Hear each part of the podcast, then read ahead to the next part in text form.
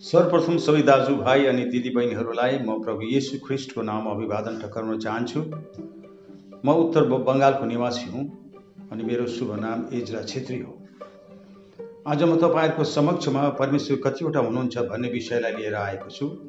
किनभने उत्पत्ति एकको छब्बिस मती तिनको सत्र मर्कुस पन्ध्रको चौतिस यमुना तिनको सोह्र अनि सोह्रको सात अनुसार परमेश्वर एकभन्दा बढी हुनुहुन्छ जस्तो दर्शिएको पाउँदछौँ। अनि मती अठाइसको उन्नाइस अनुसार परमेश्वर तिन भिन्न भिन्न व्यक्ति हुनुहुन्छ जस्तो लाग्छ। तर आजसम्म कुनै पनि दर्शनशास्त्रीहरूले यस विषय अनि अरू धेरै विषयहरूलाई लिएर ठोक लाउन सकेका छैनन्। यसरी पहिलो तिमोथी एकको साथ पुरा भएको हामी देख्दछौँ। तिनीहरू के बोल्दछन्? ती आफै बुझ्दैनन्। न त दृढ विश्वास ठोक्केर भन्न सक्छन्। तापनि तिनीहरू व्यवस्थाका गुरु हुन चाहन्छन्। आउनुहोस् हामी प्रार्थना गरौँ। हे सर्वज्ञानी सर्वव्यापी सर्वशक्तिमान प्रभु अनि परमेश्वर जो हिजो आज अनि सधैँभरि एकनाश हुनुहुन्छ हाम्रो पाप मोचनको निम्ति तपाईँ आफै मानिस बनी मेमनाको रूपमा बलि हुनुभयो। अनि आज तपाईँ तपाईँको प्रतिज्ञा अनुसार पवित्र आत्माको रूपमा हाम्रो मध्यमा अनि हामीमा हुनुहुन्छ भनी हामी विश्वास गर्दछौँ। आज हामी जुन विषयलाई लिएर यहाँ उपस्थित छौँ सो तपाईँ जान्नुहुन्छ। त्यसकारण जति पनि प्रश्नहरू तपाईँको वचनलाई लिएर मानिसहरूका मनमा उठेका छन् ती सबै प्रश्नहरूका सही उत्तर तपाईँको प्रकाशनद्वारा दिनुहोस् भनी हामी तपाईँलाई प्रार्थना गर्दछौँ। येशू ख्रिस्टको नाउँमा सुनि ग्रहण गर्नुहोस्। आमेन। बाइबल एउटा उपन्यास होइन जो सबैले बुझ्न सक्छौँ। यो परमेश्वरको वचन हो जो रहस्यमय छ। आवाज तिनको सात मती एघारको सत्ताइस लुका चौबिसको चौवालिस पैँतालिस अनि दोस्रो पत्रुस एकको बिस एक्काइस अनुसार परमेश्वरले आफ्नो वचनको प्रकाशन केवल आफ्ना दास भविष्यवक्ताहरूलाई मात्र दिनुहुन्छ। अनि मती दसको एकचालिस अनुसार भविष्यवक्ताहरूका अनुसरण गर्ने आत्मिक जनहरूले पनि त्यही प्रकाशन पाउँछन्। मैले आज आधुनिक दुनियाँमा भविष्यवक्ता कहलाइएकोहरूको कुरा गरेको होइन जसले बाइबल अनि चमत्कारहरूलाई कमाइ खाने भाँडो बनाएका छन्। मती सातको बाइस अनि तेइस अनुसार ती सबै झुटा भविष्यवक्ताहरू हुन् जसलाई प्रभुले न्यायको दिनमा तिनीहरूलाई नकारेर उचित दण्ड दिनुहुनेछ। तिनीहरूले मानिसहरूका रीतिथितिहरूलाई धर्म सिद्धान्त तुल्याएर शिक्षा दिएको हुनाले मर्कुस सातको छदेखि नौ अनि दोस्रो तिमोथी चारको तिन चार पुरा भएको हामी देख्दछौँ। तिनीहरूको मत सिद्धान्तहरू आफ्नो आफ्नो भएको हुनाले तिनीहरूको आफ्नो आफ्नो मण्डली छ जो परमेश्वरको कदाचित होइन। किनभने परमेश्वरको मण्डली त प्रकाशनमा स्थित छ जो परमेश्वरले आफ्नो दास पत्रुसद्वारा पेन्टिकोस्टको दिन स्थापित गर्नुभएको थियो।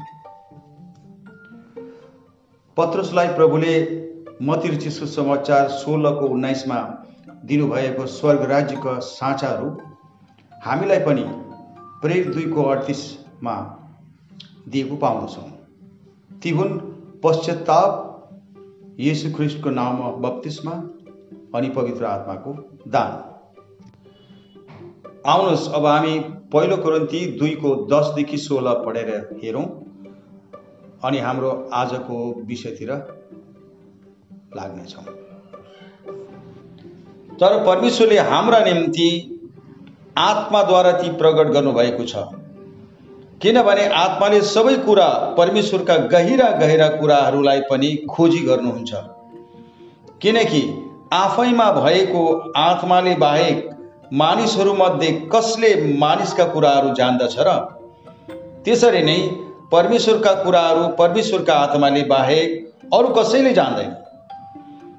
तर परमेश्वरबाट हामीलाई सित्तैमा दिनुभएको कुरा जानु भनेर हामीले संसारको आत्मा होइन तर परमेश्वरबाटका आत्मा पाएका छौँ।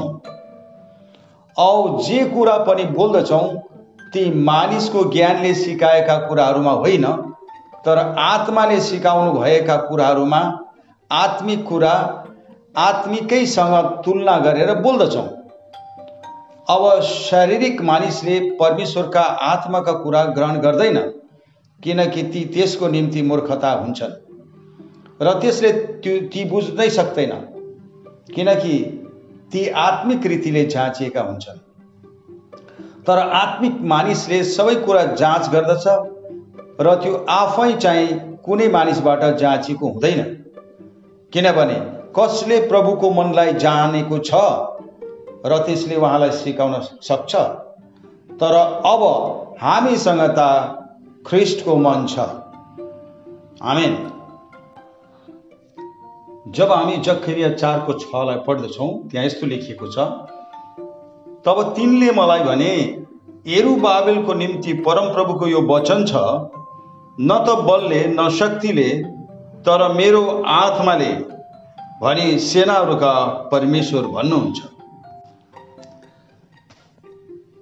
आज संसारमा सबै संस्था सम्प्रदायका मानिसहरूले जो अगुवाहरू छन् तिनीहरूले आफ्नो समाजको सहारा लिएका छन्। र नै तिनीहरूले मलाई यस्तो लाग्छ मेरो विचारमा फल्नाले भन्ने कुरो गरेका हामी सुन्दछौँ। तर त्यो बिल्कुलै गल्ती हो किनभने परमेश्वरको आत्मा विहीन हामीले परमेश्वरको वचनलाई बुझ्न सक्दै सक्दैनौँ। किनभने आज पत्रसलाई जब हामी हेर्दछौँ भनेदेखि उनी न पढ्न सक्थे न लेख्न सक्थे। ती चेलाहरूमा प्राय सबै एक दुईजना छोडेर पढ्न लेख्न सक्ने किसिमको हामी देख्दैनौँ। तर परमेश्वरले आफ्नो आत्मा दिनुभयो र त्यो सामर्थ्य पाएर तिनीहरूले परमेश्वरका काम गरे। आफ्नो समाजको सहारा लिनेहरू सबै धोकामा परेका छन्। जो उद्धार परमेश्वरले दिनुभएको छ त्यसलाई गुमाएका छन्। कारण वचनको प्रकाशन न नपाइकन हामीले परमेश्वरको उद्धारलाई देख्न सक्दैनौँ। किनभने परमेश्वरलाई हामीले चिनेको हुनु पऱ्यो उहाँ को हुनुहुन्छ? के नाउँले परिचित हुनुहुन्छ? यी सबै कुरो अरू विभिन्न प्रकारका जो भेदहरू छन् ती हामीले छर्लङ्गै जानेको हुनुपर्दछ। अनि जब हामीले जानेका हुन्छौँ अरूलाई पनि त्यो बताउन सक्छौँ। नत्र भने हामी असमञ्जमा परेकोले हामीले अरूलाई पनि यी सबै कुराहरू जो रहस्यका कुराहरू बताउन आफ्नो समझले सक्ने कुरो छैन। आउनुहोस् अब हामी आजको विषयलाई निहालेर हेरौँ। म तपाईँहरू सबैलाई मसँग बाइबल खोल्नुहोस् भनी आग्रह गर्दछु। व्यवस्थाको पुस्तक छको चार। हे इजरायली हो सुन। परमप्रभु हाम्रा परमेश्वर एउटै हुनुहुन्छ। एउटै संस्कृतमा अद्वितीय भनिन्छ। मतलब उहाँ बाहेक अरू कोही छैन यो बाइबलले भनिरहेको छ किनभने बाइबल परमेश्वरको वचन यो उहाँले बोलेको कुरो। अनि परमेश्वरले झुट कहिले बोल्नुहुन्न यसैया त्रिचालिसको दस र एघार परमप्रभु भन्नुहुन्छ तिमीहरू मेरा साक्षी र मैले चुनेका दास हौ। तिमीहरूले मलाई जान्न र विश्वास गर्न सक र म उही हुँ भनी बुझ्न सक। मेरो अघि कोही परमेश्वर थिएन न त मेरो पछि कोही हुनेछ। म अवश्य म नै परमप्रभु हुँ। म बाहेक अरू कोही उद्धारक छैन। त्यही कुरोलाई म उही हुँ भन्ने कुरो प्रभुले यहुना र चिसु समाचार आठको चौबिसमा दर्श दर्शाए दर्शाउनु भएको छ। उहाँ भन्नुहुन्छ म हुँ भने विश्वास गरेनौ भने तिमीहरू आफ्ना पापमा मर्नेछौ प्रस्तावको पुस्तक तिनको तेह्र अनि चौधलाई पढ्यौँ भने मोसासँग बोल्ने उहाँ नै हुनुहुन्थ्यो। मोसाले परमेश्वरलाई भने हेर्नुहोस् जब म इजरायलहरू कहाँ गएर तिनीहरूलाई भन्ने छु तिमीहरूका पिता पुर्खाका परमेश्वरले मलाई तिमीहरू कहाँ पठाउनु भएको हो। तब तिनीहरूले उहाँको नाउँ के हो त भनेर सोधे भने मैले तिनीहरूलाई के भन्ने? तब परमेश्वरले मसालाई भन्नुभयो म हुँ जो म हुँ। फेरि उहाँले भन्नुभयो इजरायलीहरूलाई तैँले यसो भन्नु। म हुँ भन्नेले तिमीहरू कहाँ मलाई पठाउनु भएको हो। यसैया चौवालिसको छ अनि चौबिसलाई पढ। इजरायलका महाराजा र तिनलाई उद्धार गर्ने सेनाहरूका परमप्रभु यसो भन्नुहुन्छ म नै पहिलो र पछिल्लो हुँ। म बाहेक परमेश्वर छैन। यहाँ म बाहेक हामी बाहेक नभएर म बाहेक अरू परमेश्वर छैन। भनिएको छ। अब चौबिसलाई पढौँ।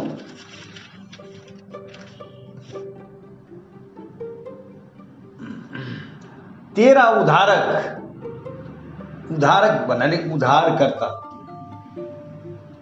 अनि यीशुको अर्थ नै उद्धारकर्ता हो। र तँलाई गर्भमा रच्ने परमप्रभु यसो भन्नुहुन्छ। रच्ने भने सृष्टिकर्ता। म परमप्रभु हुँ जसले सारा थोकलाई बनायो। यो कुरो विषय लिएर हामी हेर्नेछौँ त्यसको सिलसिलामा। हामी यहाँ देख्दछौँ जसले एक्लै आकाशलाई फैलायो जसले पृथ्वीलाई फिजायो मसित को थियो र परमेश्वरले सृष्टि गर्नुहुँदा परमेश्वर स्वयं बाहेक उहाँसँग अरू कोही थिएन भन्ने कुरो उहाँले भन्नुभएको छ। आउनुहोस् अब हामी फेरि यहुन्ना र चिसो समाचार एकको एकदेखि तिनसँग तिनसम्म पढौँ। आदिमा वचन थियो वचन परमेश्वरसँग थियो औ वचन परमेश्वर नै थियो। यहाँनिर उल्था गर्नमा भुल भएको कुरा पाउँदछौँ। आदिमा वचन थियो औ वचन परमेश्वरसँग परमेश्वरसँग थियो नभएर परमेश्वरमा थियो हुनु पर्दछ। औ वचन परमेश्वर नै थियो। उहाँ आदिमा परमेश्वरमा हुनुहुन्थ्यो। सबै थोक उहाँबाट हुन आयो। औ हुन आएको कुनै एक थोक पनि उहाँ बिना हुन आएन। यसैद्वारा बोलिएको परमेश्वर उहाँले एक्लै नै बनाउनु भन्ने कुरो चाहिँ एउटा र चिसो समाचार एकको एकदेखि तिनमा हामीले यो कुरोको पुष्टि पाउँदछौँ। जसले सृष्टि गर्नुभयो उहाँलाई नै हामी परमेश्वर भन्छौँ तर उहाँको नाम चाहिँ के हो त? हामीलाई त्यो जान्न जरुरी छ। आउनुहोस् इफिस तिनको नौलाई पढेर त्यो नाउँलाई पत्ता लगाउँ र सबै मानिसहरूलाई जुन परमेश्वरले यीशु ख्रिस्टद्वारा सबै कुराको सृष्टि गर्नुभयो उहाँमा युग युगदेखि लिएर बसेको रहस्यको सङ्गति के रहेछ सो कुरा देख्ने बनाउनलाई। आमेन। त अब हामीलाई थाहा लाग्यो सृष्टि गर्ने सृष्टिकर्ता ना कर्ता चाहिँ येसु ख्रिस्ट हुनुहुँदो रहेछ। त्यसो भए अरू अरू कोही सृष्टिकर्ता छ भने कसैले भन्नुहोस्। यसै या पैँतालिसको पाँच र छमा यस्तो लेखिएको छ म हामी म परम प्रभु हुँ। यहाँ हामी परम प्रभुहरू हौ लेखिएको छैन। औ म बाहेक अरू कोही कोही छैन। म सिवाय अरू कोही परमेश्वर छैन। तैँले मलाई नचिनेको भए तापनि म तँलाई तयार पार्नेछु। र पूर्वदेखि लिएर पश्चिमसम्म मानिसहरूले जानुन् कि म बाहेक अरू कोही छैन। म परमप्रभु हुँ र म सिवाय अरू कोही छैन। के परमेश्वरले झुट बोल्नुहुन्छ र? म बाहेक अरू कोही परमेश्वर छैन। म सिवाय केवल म मात्र परमेश्वर हुँ। उहाँले कहिले पनि झुट बोल्नुहुन्न। तर आज मानिसमा भएर शैतानले झुट बोलेको कुरो हामी पाउँदछौँ र त्यो भ्रममा धेरै परेका छन्। अझै चौवालिसको सातलाई पनि पढेर हेरौँ। मैले उज्यालो बनाएँ औ अँध्यारोलाई सृष्टि गरेँ। शान्ति र दुष्टता बनाउने म नै हुँ। म परमप्रभु हुँ जसले यी सारा काम गर्छ। आमेन। उहाँ बाहेक कोही सृष्टिकर्ता हामी बाइबलमा देख्दैनौँ। त यसो ख्रिस्ट सृष्टिकर्ता हुनुहुन्छ भनेर हामीले छर्लङ्ग बुझ्न सकेका छौँ। अब आउनुहोस् हामी फेरि उत्पत्तिको पुस्तक एकको छब्बिसमा जाउँ। फेरि परमेश्वरले भन्नुभयो मानिसलाई आफ्नै स्वरूपमा आफ्नै प्रतिरूपमा बनाऊ। तिनीहरूले समुद्रका माछाहरू आकाशका पक्षीहरू पाल्तु पशुहरू र जमिनमा हलचल गर्ने सबै जन्तुहरूमाथि अधिकार गरून्। सत्ताश्रम पढौँ। यसै कारण परमेश्वरले मानिसलाई आफ्नै स्वरूपमा सृष्टि गर्नुभयो। परमेश्वरकै स्वरूपमा उहाँले तिनीलाई सृष्टि गर्नुभयो। नर र नारी नै गरी उहाँले तिनीहरूलाई सृष्टि गर्नुभयो। यहाँ परमेश्वरले हामी भन्ने शब्दलाई प्रयोग गरेको हुनाले दर्शन शास्त्रीहरूले परमेश्वर एकभन्दा बढी हुनुहुन्छ भन्ने कुरोको विचार धारा लिएका छन्। त हामी शब्द प्रभुले किन प्रयोग गर्नुभयो? एउटा रहस्यको कुरो छ। त सत्ताइसमा परमेश्वरले भनेको छ हामी भन्ने शब्द छ तर बनाउँदा परमेश्वरले परमेश्वरहरूले त भनेको छैन सत्ताइसमा।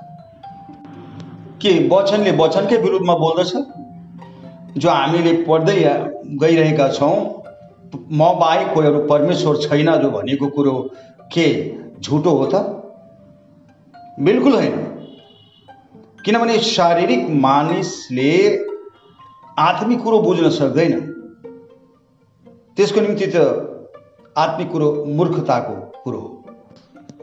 अब हामी यो हामी शब्दको रहस्य जान्नको लागि पुरानो नियममा एकपल्ट छायाको रूप जो दिएको छ। नयाँ नियममा हामी जाउँ। एउटा रची सुसमाचार दसको तिस। यहाँ म र पिता एकै हौँ यसको मतलब म र मेरो पितामा केही फरक छैन। म र पिता भन्नाले हामी भन्ने शब्द त्यहाँ आउँछ। एकै हौँ। अझै यस सच्चाइलाई जान्नको निम्ति हामी कलसी एकको पन्ध्रलाई पढौँ। जो अदृश्य परमेश्वरको प्रतिरूप सारा सृष्टिको जेठो हुनुहुन्छ। उत्पत्तिको पुस्तकमा पनि प्रतिरूप शब्दको प्रयोग गरिएको छ। यो प्रतिरूप भन्नाले चाहिँ परमेश्वरको अर्को रूप। प्रतिरूप भन्नाले परमेश्वरको अर्को रूप जस्तै भाषामा शब्दको अर्थ जब एउटै हुन जान्छ भने धेरै शब्दहरू छन् त्यसलाई प्रतिशब्द भनिन्छ। प्रतिशब्द भनिन्छ। परमेश्वरले सबै कुराहरूको सृष्टि गर्नुभन्दा पहिले उहाँले आफ्नो एउटा प्रतिरूप बनाउनु भएको थियो। जसलाई अलौकिक शरीर भनिन्छ। जुन रूपमा भएर उहाँले सृष्टि गर्नुभयो। अनि त्यो रूपमा आदम अनि हावा हवासँग देखा पर्नुहुन्थ्यो र तिनीहरूसँग उहाँको सङ्गति हुँदथ्यो। त्यसै कारणले गर्दा प्रभुले आत्मा अनि शरीरलाई अलग गर्नुभएको कुरो हामी यहाँ देख्दछौँ। अब हामीले कलसी दुईको नौलाई हेऱ्यौँ भने हामीलाई यो थाहा लाग्छ कि उहाँ स्वयं परमेश्वर हुनुहुन्थ्यो। किनकि उहाँमा नै ईश्वरत्वको सारा परिपूर्णताले शारीरिक रूपमा बास गर्छ।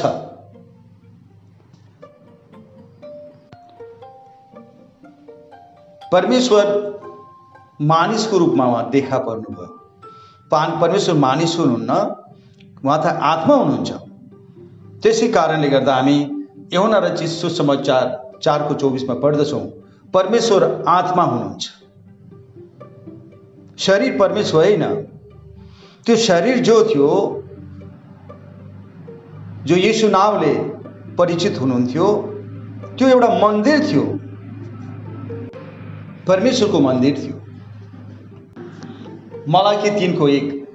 हेर म आफ्नो दूतलाई पठाउँछु र उसले मेरो अघि अघि बाटो तयार गर्नेछ।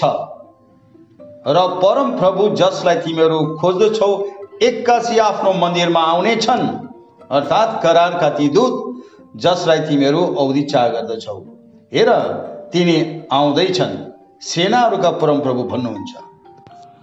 अब परमप्रभुको अघि अघि जाने दूत कसलाई दर्शाएको छ? बत्तिसमा दिने यहुनालाई दर्शाएको छ। फेरि अब हामी यहुना दुईको उन्नाइसदेखि एक्काइससम्म पढेर हेरौँ। जुन भविष्यवाणी मलाकीद्वारा जो भएको थियो तिनको एकमा त्यो चाहिँ यहुना रचित सुषमा दुईको उन्नाइसदेखि एक्काइसमा पुरा भएको हामी देख्दछौँ। येसुले तिनीहरूलाई जवाब दिई भन्नुभयो यस मन्दिरलाई भत्काइदेऊ र त्यो तिन दिनमा खडा गर्नेछु। यसकारण यहुदीले भने यो मन्दिर छ्यालिस वर्षमा बनाइयो। र के तपाईँ त्यसलाई तिन दिनमा खडा गर्न सक्नुहुन्छ र तर उहाँले त आफ्ना शरीरको मन्दिरको विषयमा भन्नुभएको थियो। अब यस विषय लिएर चेलाहरूले पनि बुझ्न सकेका थिएनन्। बाइसलाई चाहिँ पढ्यौँ भने छर्लङ्ग हुन्छ। यसकारण जब उहाँ मरेकाबाट पुनरुत्थान हुनुभयो तब उहाँले यो भन्नुभएको कुरा उहाँका चेलाले सम्झे र धर्मशास्त्रमाथि र येसुले भन्नुभएको वचनमाथि विश्वास गरे। जबसम्म प्रभु बौरी उठ्नु भएको थिएन मारिनु भएको थिएन तबसम्म तिनीहरूलाई यो ज्ञान थिएन यो प्रकाशनै थिएन।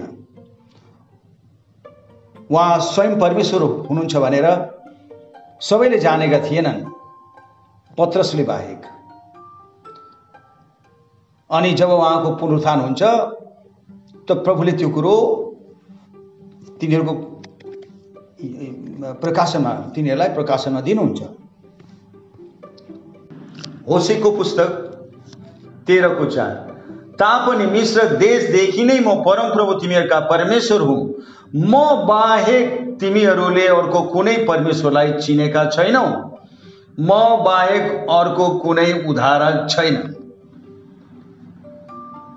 त होसे जो प्रभुका भविष्यवक्ता थिए उनीलाई त्यो कुरोको प्रकाशन भयो। कि परमेश्वर एउटै हुनुहुन्छ। तिन नभएर एउटै हुनुहुन्छ। त बाइबलमा कहीँ पनि त्यो कुरोको उल्लेख छैन। हामी भन्ने शब्दको जो एउटा प्रश्न थियो त्यसको उत्तर हामीले पाइसकेका छौँ। अब मलाई कि दुईको दसले के भन्छ? त्यहाँ जाउँ। के हामी सबैका एउटै पिता छैनन् र? के एउटै परमेश्वरले हामीलाई सृष्टि गर्नुभएको होइन र? त किन हाम्रा पिता पुर्खाको कसरलाई भ्रष्ट गर्दै हामी प्रत्येकले आफ्नै भाइको विरुद्धमा धोका दिँदछौँ? त जस जो जस जो जसले सृष्टि गर्नुभएको छ उहाँलाई सृष्टिकर्ता भनिन्छ र उहाँ पिताको रूपमा सम्बोधित हुनुहुन्छ। त्यसै कारणले गर्दा मतिर चाहिँ सुसमाचार छको नौमा हामी यो कुरो पाउँदछौँ। प्रभुले आफ्ना चेलाहरूलाई प्रार्थना गर्न सिकाउनु भएको छ। नौको छको नौदेखि तेह्रसम्म। तर तिमीहरू चाहिँ यस किसिमले प्रार्थना गर हे हाम्रा स्वर्गमा बस्ने पिता मतलब परमेश्वर तपाईँको नाउँ पवित्र गरियोस् तपाईँको राज्य होस् तपाईँको इच्छा स्वर्गमा झैँ यस पृथ्वीमा पुरा होस् हाम्रो दिनभरिको भोजन आज हामीलाई दिनुहोस् अब हाम्रा अपराध क्षमा गर्नुहोस् जसरी हामीले पनि आफ्नो अपराध क्षमा गरेका छौँ। हामीलाई परीक्षामा नल्याउनुहोस् तर दुष्टबाट बचाउनुहोस् किनभने राज्य पराक्रम र महिमा सदा सर्वदा तपाईँकै हुन्। एउटा प्रार्थनाको रूपमा हामी यहाँ पाउँदछौँ कि हामीले कसरी प्रार्थना गर्नुपर्ने विषय हो त्यो प्रभुले आफ्ना चेलाहरूलाई बताउनु भएको छ। अनि त्यहाँ परमेश्वर पिताको रूपमा सम्बोधित हुनुहुन्छ। पहिलो कुरन्थी आठको चार र छलाई पढेर हेरौँ। यसकारण मूर्तिहरूका प्रसाद खाने विषयमा चाहिँ हामी जान्दछौँ कि संसारमा मूर्ति केही कुरो होइन र एक बाहेक दोस्रो परमेश्वर छैन। छलाई पढौँ। तापनि हाम्रा निम्ति त परमेश्वर एउटै हुनुहुन्छ। एउटै भन्नाले केवल एक मात्र। यानि कि अद्वितीय। अर्थात् पिता जसका सबै कुरा हुन् र हामी उहाँकै हौँ। औ एउटै प्रभु येशू ख्रिस्ट जसद्वारा सबै कुराहरू भएका छन् र हामी पनि उहाँद्वारै भएका हौँ। यहाँ परमेश्वरको नामको परिचय हामी यहाँ देख्दछौँ। पिता पिता को? त कस कसरी जान्ने? त नाम चाहिँ हुनु पर्यो। हामी धेरै पिता छौँ त नामद्वारा मात्रै हामी परिचित हुन्छौँ। त्यसै गरी हामीलाई बनाउनेको पनि एउटा नाम दिएको छ जस्तै जकरिया चौधको नौमा बताइएको छ तब परमप्रभु समस्त पृथ्वीका राजा हुनुहुनेछ। त्यस दिन एक मात्र परमप्रभु हुनुहुनेछ र उहाँकै एउटै नाउँ मात्र लिनेछ। अनि फेरि हामी पढौँ। प्रेरित चारको बाह्र औ न त अरू कसैबाट मुक्ति छ किनकि स्वर्गमनि मानिसहरूमा अर्को कुनै नाउँ दिएको छैन जसबाट हामीले उद्धार पाउन सक्छौँ। त एउटै मात्रै नाम। नाम छ त्यो चाहिँ येसु ख्रिस्ट हो। यो चाहिँ परमेश्वरको नाम। किनभने यो शरीरमा जो दिएको नाम पिताकै नाम। प्रस्थानको पुस्तक तेइसको एक्काइसमा यस्तो लेखेको छ ध्यान दिएर तिनको कुरा सुन। तिनको विरुद्ध नउठ किनकि तिनले तिमीहरूको अपराध क्षमा गर्ने छैनन्। किनकि तिनैमा मेरो नाम या नाउँ छ। त्यो शरीरमा राखिएको जो नाम यीशु नाम पिताकै नाम यानि कि परमेश्वरको नाम हो। किनभने शरीर त परमेश्वर हुनै सक्दैन। हामीले अहिले हेरिसक्यौँ कि परमेश्वरलाई हामीले सीमित गर्न सक्दैनौँ। परमेश्वर असीमित हुनुहुन्छ। उहाँ स्वर्गमा विराजमान हुनुहुन्छ। पृथ्वीमा पनि उहाँको उपस्थिति छ। कहीँ पनि हामी किन नजाउँ? त्यसै कारणले गर्दा भजन सङ्ग्रह एक सौ उन्चालिसमा हामी जब पढ्दछौँ सातदेखि नौसम्म दाउद भन्दछन् तपाईँको उपस्थितिदेखि कसरी म भाग्न सक्छु? स्वर्गमा जाउँ त्यहीँ तपाईँ हुनुहुन्छ? पृथ्वीको मुनि जाउँ त्यहीँ तपाईँ हुनुहुन्छ? समुद्र मुनि गए तापनि कहीँ पनि प्रभु तपाईँको उपस्थित छ भनेर उनले भन्दछन्। किनभने परमेश्वरलाई हामीले सीमित गर्न सक्दैनौँ। परमेश्वर असीमित हुनुहुन्छ। हामीले उहाँलाई कहिले देख्न सक्दैनौँ। जबसम्म उहाँ शरीरमा देखा पर्नु भएन हामीले उहाँलाई चिन्न सकेका थिएनौँ। र शरीरमा जब देखा पर्नुहुन्छ तब मात्रै हामी उहाँलाई चिन्न सकेका छौँ कि उहाँ स्वयं परमेश्वर हुनुहुन्छ। जो शरीरमा दिएको त्यो यीशु नाउँ त्यो पिताको नाउँ भएकोले गर्दा उहाँ भन्नुहुन्छ म पिताको नाउँमा आएँ। आउनुहोस् हामी फेरि एफिसी चारको छलाई पढौँ। यस्तो लेखेको छ सबैका एउटै परमेश्वर र एउटै पिता। यहाँ परमेश्वर अनि पिता दुई व्यक्तिलाई दर्शाएको छैन। परमेश्वरलाई नै पिता भनिएको छ। जो सबैमाथि यसलाई लिएर यहुनाको तिनको तेह्रलाई पढौँ। अनि स्वर्गमा कोही मानिस उक्ली गएको छैन। केवल उनी जो स्वर्गबाट ओर्लिआएका छन् अर्थात् मानिसका पुत्र जो स्वर्गमा छन्। यहाँनिर जब उहाँ शरीरमा हुनुहुन्थ्यो उहाँले यो पनि दाबी गर्नुभयो कि म स्वर्गमा पनि छु भनेर दाबी गर्नुभयो। कारण परमेश्वर आत्मा हुनुभएकोले गर्दा उहाँ सर्वव्यापी हुनुहुन्छ। उहाँ सीमित हुनुहुन्न। उहाँको उपस्थिति स्वर्गमा पनि थियो यहाँ पनि छ। आज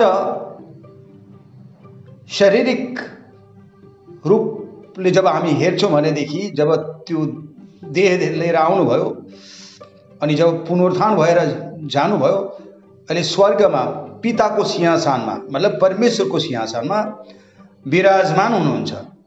भनेदेखि आज हाम्रो मध्यमा हुने पनि उहाँ नै हुनुहुन्छ।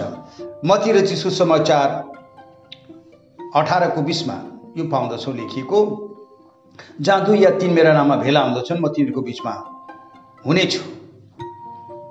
त आज हाम्रो बिचमा हुने उहाँ नै हुनुहुन्छ। उहाँले हामीलाई यो कुरो जान्न दिनुभएको छ। हामीले उहाँलाई सीमित गर्नुहुन्न। जुन दृष्टिकोणले मानिसले यसुलाई हेर्दथिए र अहिले पनि त्यस दृष्टि दृष्टिकोणले नै हेरिरहेका छन् परमेश्वरको दोस्रो व्यक्ति भनेर मानिलिएको कुरो बिल्कुल गल्ती हो। अब फेरि चारको छलाई फेरि दोहोऱ्याउँ। सबैका एउटै परमेश्वर एउटै पिता जो सबैमाथि मतलब स्वर्गमा पनि उहाँ हुनुहुन्छ। माथिको कुरो आयो। सबैको मध्यमा चाहिँ सुसमाचार अठारको बिस अनुसार हाम्रो मध्यमा उहाँ हुनुहुन्छ। र सबैमा हुनुहुन्छ यो कुरो सबैमा हुनुहुन्छ ख्रिस्ट नै हुनुहुन्छ। उहाँलाई पवित्र आत्मा भनेर हामी सम्बोधन गर्दछौँ। तर उहाँको नाम चाहिँ येसु ख्रिस्ट नै हो। अब व्यक्तिलाई लिएर जब हामी कुरा गर्दछौँ त्यो एउटा शरीरलाई दर्शाएको कुरो हो भन्नेको प्रमाण हामी हेरौँ। अङ्ग्रेजीमा व्यक्तिलाई पर्सन भन्छ। अनि यो पर्सन जो शब्द छ यो शब्द चाहिँ ल्याटिन शब्द पर्सोनाबाट लिएको जसको अर्थ चाहिँ मुकुण्ड हुन्छ। मुकुण्ड अघि नै हामीले हेरिहाल्यौँ यसो चाहिँ परमेश्वरको व्यक्तित्व हुनुहुन्छ। त्यो जो शरीर थियो त्यो शरीर परमेश्वरले सृष्टि गर्नुभएको शरीर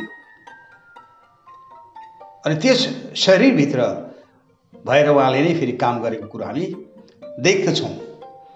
अब हामी यसलाई अझै गहिराइमा जान्ने कोसिस गऱ्यौँ गरौँ। विशेष गरी एउटा कुरो मलाई भन्न मन पर्यो। एक दिन मैले एकजना व्यक्ति सँग यस कुरोको विषय लिएर मैले जब चर्चा गरेँ उहाँलाई यो प्रश्न राखेँ। उहाँ एकजना रिटायर्ड पास्टर हुनुहुन्थ्यो। उहाँले भन्नुभयो छ्यालिस कि सैँतालिस वर्षसम्म उहाँले पास्टर गरेर उहाँ रिटायर्ड हुनुभएको थियो। भनेर भन्नुभयो। त म अहिले उहाँलाई एउटा प्रश्न राखेँ। मेरो प्रश्न यो थियो कि यीशुको पिता को हुनुहुन्छ र उहाँको नाम के हो? अनि मैले भने तपाईँले मलाई वचनबाट यसको उत्तर दिनुपर्छ। मलाई यस्तो लाग्छ मेरो विचारमा फल्नाले भनेको कुरोमा विश्वास राख्दिनँ। किनकि बाइबलमा हामी यो पाउँदछौँ पहिले हुन चारको एकमा। हे प्रिय हो जुनैसुकै आत्माको पत्यार नगर तर परमेश्वरबाटका आत्माहरू हो कि होइन भनी जाँच गर किनभने धेरै झुटा अगमवक्ताहरू यस संसारमा निस्किआएका छन्। हामीले परमेश्वरको विषय लिएर बोलेको कुरो वचनमा आधारित भएको हुनैपर्छ अब जब पल बिरियामा जाँदछन् त ती बिरियाका जो मानिसहरू थिए थिसुलनिकहरूभन्दा उत्तम थिए। र तिनीहरूले पावलले भनेको कुरो हो कि होइन भनेर उनीहरूले जब जाँचेर हेरे अनि उनीहरूलाई विश्वास भयो किन लेखिएको कुरोमा। धर्मशास्त्रमा जब हेरेर पाए तब तिनीहरूले विश्वास गरे। धेरैले विश्वास गरे भन्ने कुरो हामी त्यहाँनिर पाउँदछौँ। प्रेरित सत्रको दसदेखि बाह्रसम्म हामी पढेर हेरौँ। अनि भाइहरूले तुरन्तै पावल र सिलासलाई राति नै बिरिया पठाइदिए र तिनीहरू त्यहाँ पुगेर यहुदीहरूको सभाघरमा गए।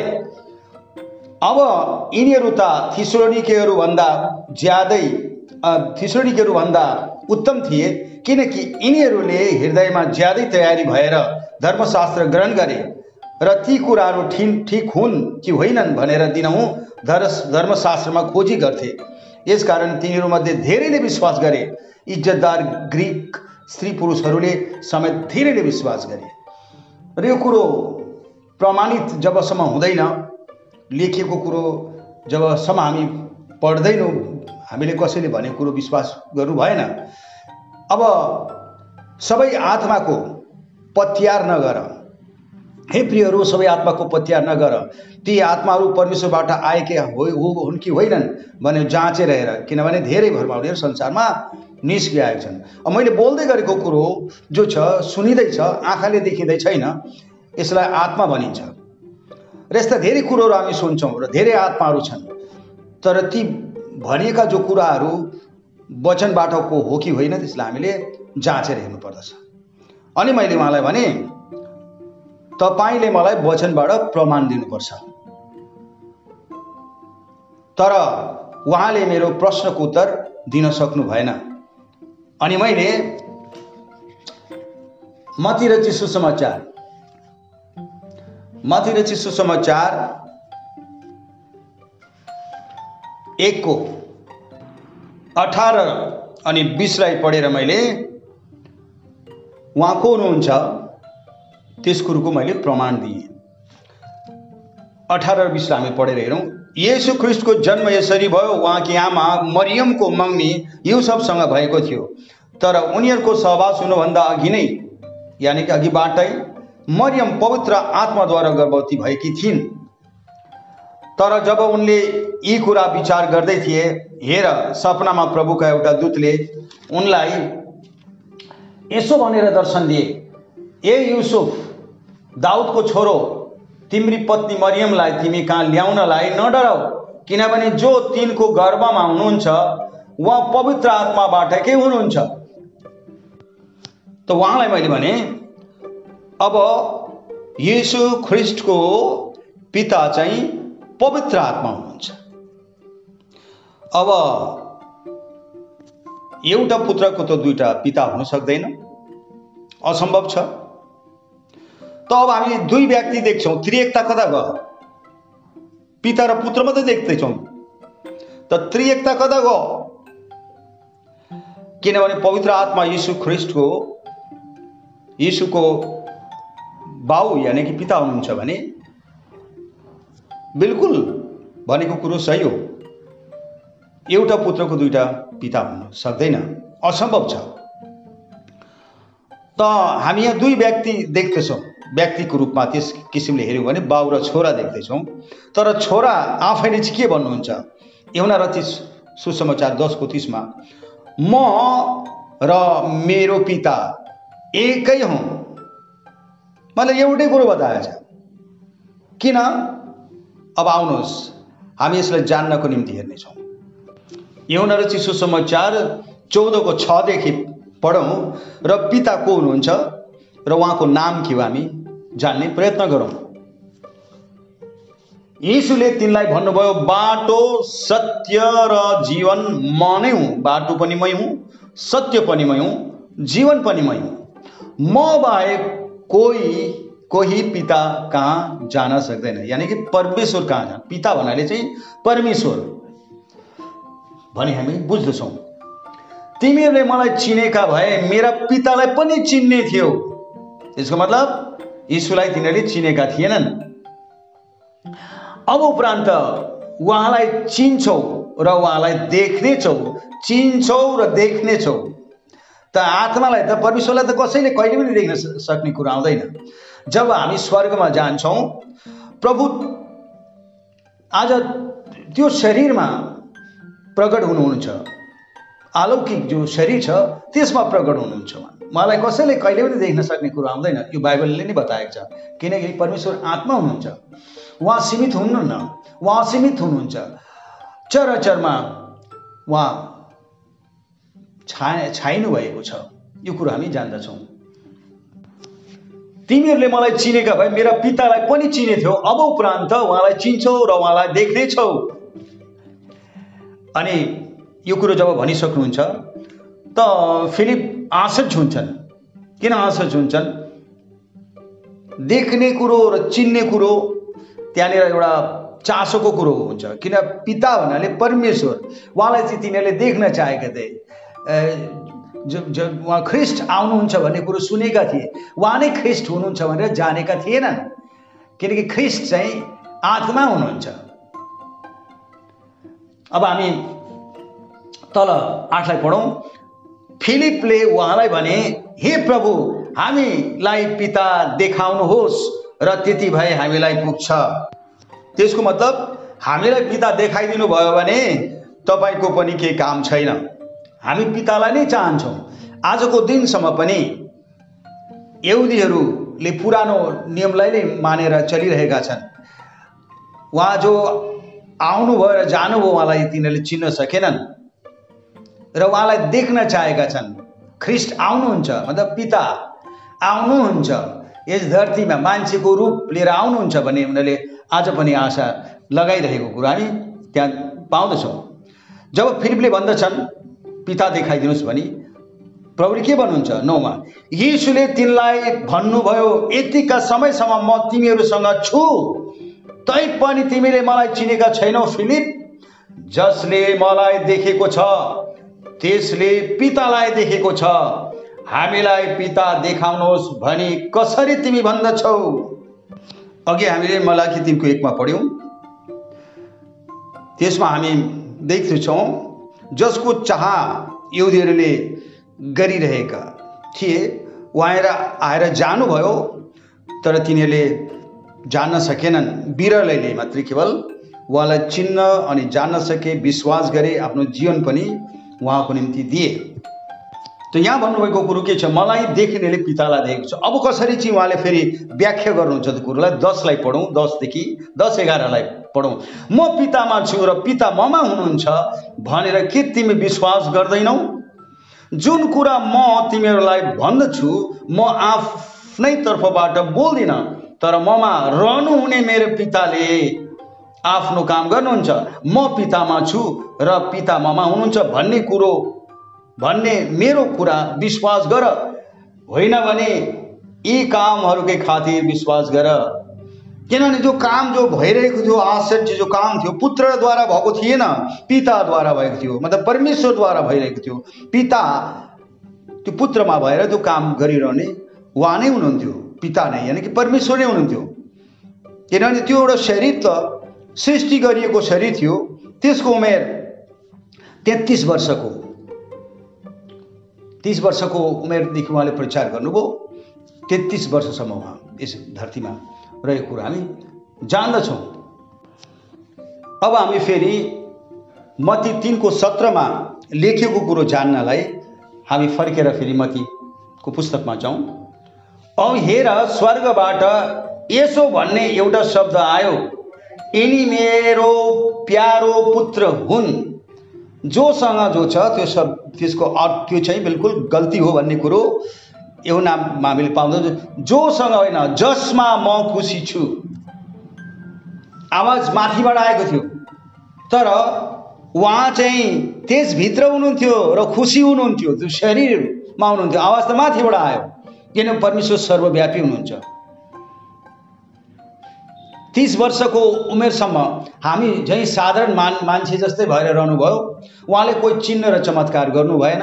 किनभने उहाँ हामी जस्तो दुरुस्तै मान्छे हुनुहुन्थ्यो। त्यो भन्दैमा हामी जस्तै उहाँ हुनु थियो किनभने उहाँ त कन्याद्वारा जन्मिनु भएको हुनाले उहाँ परमेश्वर मान्छेको रूपमा हुनुहुन्थ्यो। तर जब उहाँले बत्तिसमा लिनुहुन्छ परमेश्वर आएर उहाँमा भरिनुहुन्छ। त्यतिखेर मात्र उहाँ सौमा सौ प्रतिशत मा मानिस अनि सौमा सौ प्रतिशत परमेश्वर भएको हामी त्यहाँ देख्दछौँ। पूर्ण रूपले त्यो शरीरभित्र उहाँले बास गरेको कुरो हामी देख्दछौँ। नत्र त्यो पहिले मन्दिर मात्र केवल थियो अनि त्यसमा प्रवेश जब हुनुहुन्छ अनि त्यो शरीरलाई चाहिँ परमेश्वरले आफ्नो बसमा राख्नु भएको कुरो हामी त्यहाँ देख्दछौँ। आज त्रिएकतामा विश्वास गर्नेहरूले यो कुरा गर्दछन् पिता पुत्र अनि पवित्र आत्मा तिन भिन्न भिन्न व्यक्तिहरू हुन् अनि तिनीहरूमा बराबर अधिकार छ त त्यसो हुँदो हो त पुत्रले फेरि पिताको कुरो मात्रै मान्ने कसरी आयो यो रहस्यको कुरो छ बिल्कुल बराबरीमा छैन शरीर चाहिँ त्यो आत्माको अधीनमा थियो त्यसै कारणले उहाँले उहाँले के कुरो आफ्नो तर्फबाट बोल्नु भएन शारीरिक कुरो केही पनि भएन केवल आत्मिक कुरो मात्रै उहाँले बोल्नुभयो पितातर्फको चाहिँ त्यही नै थियो। आजको दिनसम्म पनि यहुदीहरूको निम्ति उहाँ ठोक्करको कारण बन्नुभएको छ। जब उहाँले भन्नुभयो म परमेश्वरको पुत्र हुँ। ती त तिनीहरू तिन छक्क परे। परमेश्वर त एउटै हुनुहुन्छ उसको कोही श्वास नै छैन। त कहाँबाट फेरि पुत्र आयो भन्ने त्यो विचारधारा उनीहरूमा आयो। त उहाँबाट परमेश्वरको पुत्रमा परमेश्वर हुनुहुन्छ भन्ने कुरोलाई तिनीहरूले जान्न सकेनन्। अब हामी फेरि मर्कुस रचित सुसमाचार मर्कुस रचित सुसमाचार पन्ध्रको चौतिसमा जाउँ। तेस्रो पहरमा यसो भनेर यसो ठुलो स्वरले कराउनु भयो। एली एली एलियो एलोई एलोई एलोई लामा सबक थानी जसको अर्थ हो हे मेरा परमेश्वर हे मेरा परमेश्वर तपाईँले मलाई किन त्याग्नुभयो? त्यसको मतलब के हो? उहाँ त्यतिखेर मात्रै त्यागिनु भएको थिएन। जब उहाँ गेतसमनीको बगैँचामा प्रार्थना गर्दै हुनुहुन्थ्यो पिता तपाईँको इच्छा भए यो पेला मबाट हटाइदिनुहोस् भनेर उहाँले प्रार्थना गरिरहनु भएको थियो। त्यस समयदेखि नै उहाँलाई जस्तो पहिले उहाँ शरीरमा हुनुहुन्थ्यो त्यस्तै नै बिल्कुल छोडिदिनु हो बत्तिसमा लिनुभन्दा अगाडिको जो दशा थियो फेरि त्यही दशामा पूर्ण रूपले उहाँ मानिसमा देखा पर्नुहुन्छ। तैपनि तपाईँको इच्छा भनेर त्यो प्याला उनीहरूले उहाँले के हुन्छ पिउनुहुन्छ हाम्रो निम्ति उहाँ पाप बन्नुभयो। यो कुरो आयो। किनभने त्यो शरीरमा उद्धारको काम परमेश्वरले गर्नु थियो। किनभने परमेश्वर त आत्मा हुनुहुन्छ अनि आत्माको लहु छैन। त्यसै कारणले गर्दा उद्धारक जब बन्न चाहनुभयो उद्धारकर्ता बन्नको निम्ति यानि कि मुक्तिदाता बन्नुको निम्ति चाहिँ लहुको खाँचो पर्यो। त्यसै कारणले गर्दाखेरि त्यो मानिसको रूप धारण उहाँले गर्नुभएको कुरो हामी पाउँदछौँ। प्रेत बिसको अठाइसमा यस्तो लेखिएको छ यसकारण आफ्नो विषयमा र सम्पूर्ण बगालको विषयमा होसियार हुनुहोस्। जसमाथि उहाँले आफ्नै रगतले किन्नु भएको परमेश्वरको मण्डलीलाई चढाउनको निम्ति पवित्र आत्माले तपाईँहरूलाई अध्यक्ष ठहराउनु भएको छ। आफ्नै रगतले त्यो जो लहु थियो त्यो परमेश्वरको थियो। त्यो देह जो तैयारी जो गरिएको थियो त्यो पवित्र लहु थियो त्यो परमेश्वरको लहु त्यसलाई भनिन्छ। अब जब उहाँ तिस वर्षको उमेरको हुनु मतलब हुनुहुन्थ्यो, जब प्रचार गर्नुभयो, त यहुदीहरूले सवाल गरेका चिज यहुन रची सुसमाचार आठको छप्पन्नदेखि अन्ठाउन्नसम्म हामीले पढेर हेऱ्यौँ भने हामी जान्दछौँ। तिमीहरूका पुर्खा अब्राम मेरो दिन देख्नलाई प्रति प्रफुल्लित थिए औ देखेर रमाए।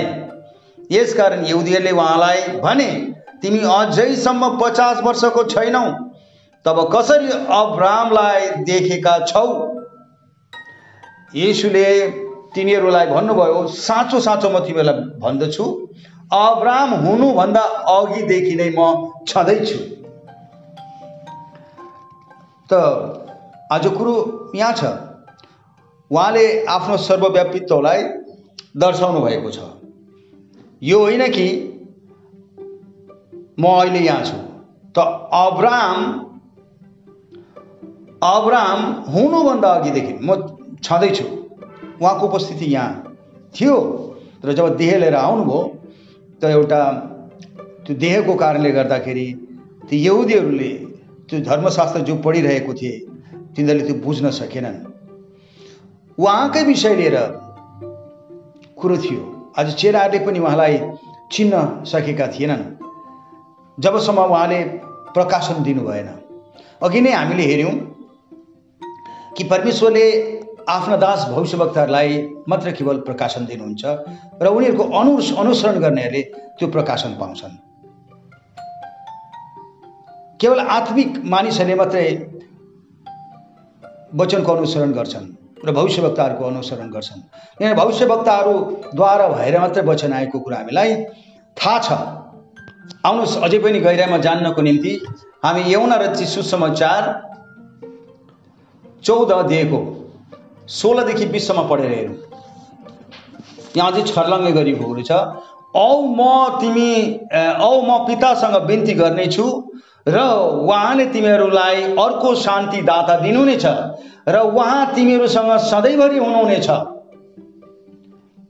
अर्थात् सत्यका आत्मा जसलाई संसारले ग्रहण गर्न सक्दैन किनभने त्यसले उहाँलाई न त देख देख्छ न चिन्छ तिमीहरू त उहाँलाई चिन्छौ। किनभने तिमी उहाँ तिमीहरूसित रहनुहुन्छ र तिमीहरूमा हुनुहुनेछ। अब यहाँ पढ्दैछौँ म तिमीहरूलाई टुरा छोड्ने छैन म तिमीहरू कहाँ आउ आउँछु।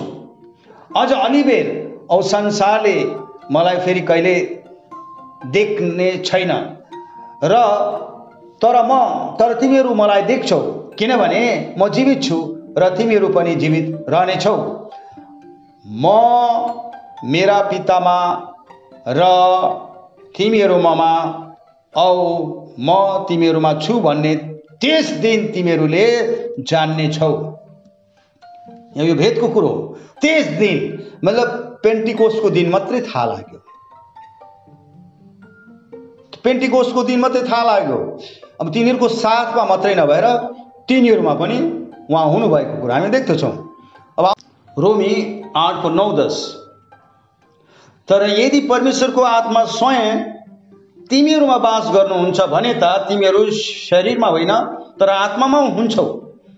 तर कोही मानिसमा ख्रिस्टको आत्मा जसलाई पवित्र आत्मा भन्दछौँ हुनुहुन्न भने त त्यो उहाँको हुँदै होइन मतलब ख्रिस्टको होइन। अब यदि ख्रिस्ट तिमीहरूमा हुनुहुन्छ भने पापको कारणले शरीर साँच्चै मरेको हुन्छ तर आत्मा चाहिँ धार्मिकताको कारणले जिउँदो हुन्छ। यो ख्रिस्ट हामीहरूमा जुन कुरोको प्रतिज्ञा उहाँले गर्नुभएको थियो योएल भविष्यवक्ताद्वारा जो भविष्यवाणी भएको हामी पाउँदछौँ दुईको अठाइस अनि उन उन्तिसमा त्यो कुरो चाहिँ पेन्टिकोसको दिन पुरा भयो। त्यस दिनदेखि हाम्रो साथमा मात्र नभएर हामीमा पनि उहाँ हुनुहुन्छ यो कुरो मतिर चाहिँ सुसमाचार अठाइसको बिसमा पनि पाउँदछौँ। हेर म तिमीहरूसँग जगतको अन्तसम्म हुनेछु। मतलब जबसम्म अन्त हुँदैन दुनियाँको तबसम्म। कलसी एकको सत्ताइस। जसलाई अन्य जातिहरूमा यस रहस्यको महिमाको सम्पत्ति के हो अर्थात् जो महिमाको आशा हो ख्रिस्ट तिमीहरूमा सो परमेश्वरले थाहा गराउन इच्छा गर्नुभयो। त ख्रिस्ट हामीहरूमा पवित्र आत्माको रूपमा हुनुहुन्छ।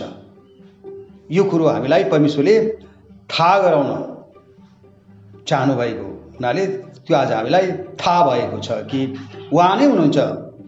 जो हुनुहुन्थ्यो जो हुनुहुन्छ र जो हुन आउनुहुने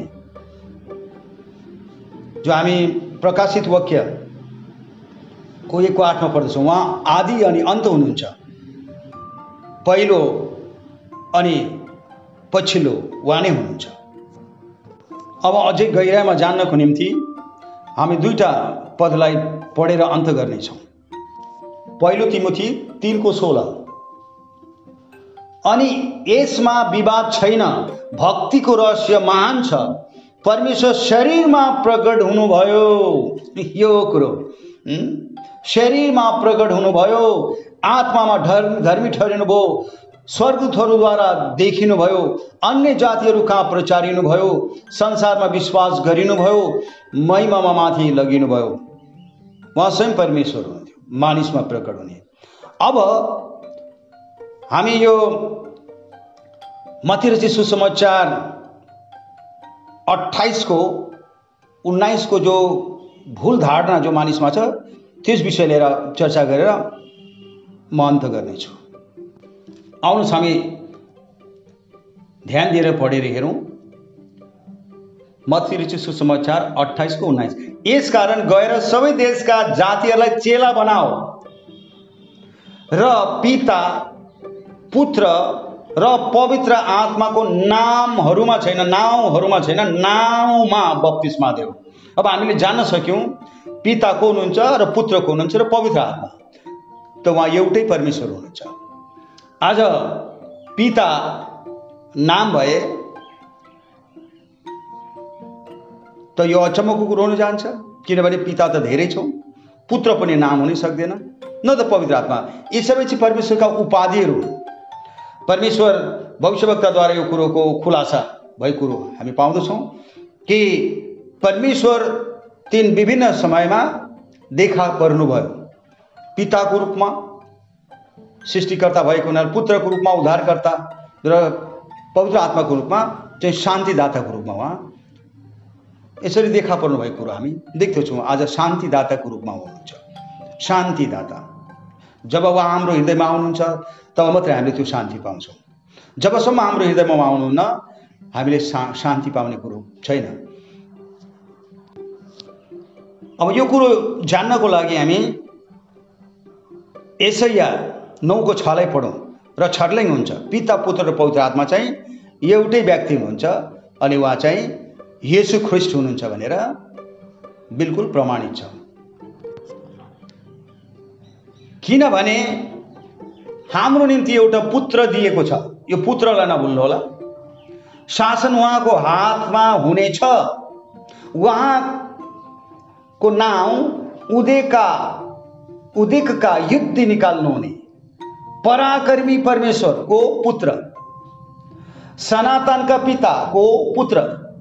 शान्तिका राजकुमार कहलाइनु हुने शान्तिदाता कुरो बुझ्नुभयो त व्यक्तित्व उहाँ नै हुनुहुँदो रहेछ त व्यक्तित्व परमेश्वर ख्रिस्टको व्यक्तित्वमा प्रकट हुनुभयो व्यक्ति बन्नुभयो परमेश्वर सर्वव्यापी हुनुहुन्छ हामीले उहाँलाई आफ्नो तुलनामा ल्याउनु हुँदैन उहाँ सर्वव्यापी हुनुहुन्छ। उहाँलाई एउटा व्यक्तिको रूपमा त्यस त्यस दृष्टिकोणले हेर्नु हाम्रो ठुलो भुल हुन जान्छ। हँ यो कुरो हामीलाई थाहा भयो जब उहाँले सृष्टि गर्नुभयो सृष्टिमा पहिलो उहाँ नै हुनुहुन्छ। मतलब त्यो अलौकिक जो शरीर उहाँले बनाउनु भयो र त्यसभित्र प्रवेश भएर सृष्टि गरेको कुरो हामीले जान्न सकेका छौँ। त्यसै कारणले सृष्टिमा पहिलो उहाँ हुनुहुन्छ।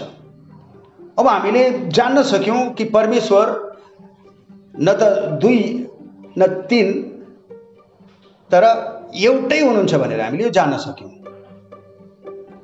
र कसैलाई पनि कोही प्रश्न भए सोध्न सक्नुहुन्छ र उत्तर चाहिँ तपाईँहरूले वचनद्वारा नै पाउनुहुन्छ। र यो खुलासा आज परमेश्वरले आफ्नो दास भविष्यवक्तालाई पठाएर गर्नुभएको कुरो आजलाई आज सबैलाई थाहा होस् भनेर यस कुरोको प्रचार गरि नै रहेको छ। किनभने जबसम्म हामीले पूर्ण रूपले प्रकाशन पाएका हुँदैनौँ हामी अन्यलमा परेका हुन्छौँ अन्धा झैँ हामी हुनेछौँ। छामेर जान्ने मलाई यस्तो लाग्छ मेरो विचारमा फल्नाले भनेको यी सबै कुराहरू झुटो हुन्। वचनमा लेखिएको कुरो बिल्कुल सत्य हो। र यो कुरोको प्रचार आज हामी कुनै संस्था सम्प्रदायमा पाउँदैनौँ। किनभने त्यहाँ मानिसले बनाएका रीतिथिति सिकाइन्छ। मान्छेको आफ्नो आफ्नो विचारधारालाई लिएर त्यसरी मण्डलीहरू बनेका छन् र तिनीहरू पनि अहिलेसम्म अन्धकारमै छन्। र यो कुरोको जानकारी आज सबैले पाउनुपर्छ। त्यसै कारणले यो कुरोको प्रचार भइरहेको छ। धन्यवाद। प्रभुले सबैलाई आशिष देऊ